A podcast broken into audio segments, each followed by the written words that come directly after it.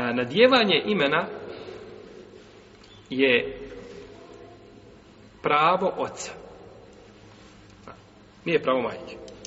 Otac je taj koji daje ime djeteta. Znači, kada dođe do čega? A? Do nesuglasice. Naravno. Tada je babina gornja, kao i uvijek. Je tako? I otac je, znači, odgovoran za ime. S tim što nije lijepo i nije od mudrosti, nije od dobročinstva prema ženi da kažeš slušaj živa bila, nemaš ti s tim ništa.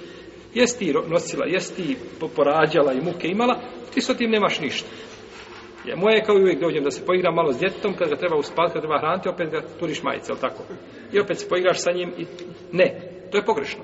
Treba biti diplomata. Znači, nije način, pa ako vidiš da se ženi dopalo ime, zbog njenog truda i džuhada koji da prepustiš joj, znači, a nema nikakve smetnje, znači da se šerijatski ime, da se tako dijete zove, ili da se dogovore da jednom djetetu daje otac, drugom majka, ili muškoj otac, ženskoj majka, ili neki način da nađu kompromis, nije sporno. Ali ako dođe do zatezanja i ne može nikako drugačije riješiti, onda biva, znači, očeva riječ gornja. Onda biva očeva riječ, znači gornja i on ima veći pravo. Jer će dijete, braćo, biti prozivano na sudnjem danu po imenu oca. A neće po imenu majke, nego će se reći kako došlo od Isu ibn Omara Buharije, na sudnjem danu će svakom prevarantu biti postavljena njegova zastava i reći ovo je zastava prevaranta tog i tog, sina tog i tog. Pa se spominje otaca, neće majka. I svi hadisi koji spominju da će čovjek biti prozivan na sudnjem danu po imenu majke, po imenu, po, po, imenu svoje majke su daif. Ti hadisi nisu vjerodostojni. Oni su slabi, a vjerodostojni hadisi ukazuju da će biti prozivan, znači po imenu oca.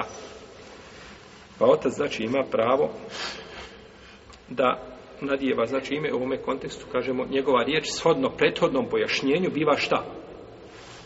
Govornik. Biva gornje.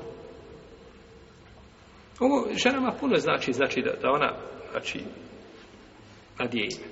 To je kod nje velika stvar. A kod muškaraca nije toliko bitno. Kako god da bude, Allah da živo i zdravo, i to je to.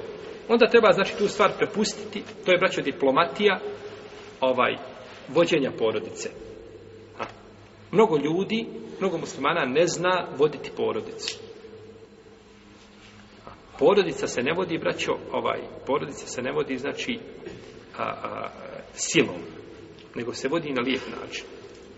Imate danas ljude, radnike, rade kod nevjernika na zapadu, velike firme, i kada se nešto desi, taj šef glavni pozove poslovođu koji je stranac, poslima, Kaže mu, šta ti, kaže, misliš, ja bi uradio tako i tako s ovom firmom, šta ti, kažem, da vidim tvoje mišljenje.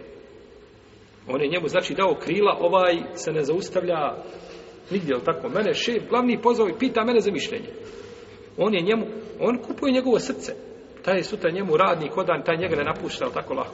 Kaže, mene šef, mene cijeni, tako, tako je čovjek trebao u svojoj porodici da radi.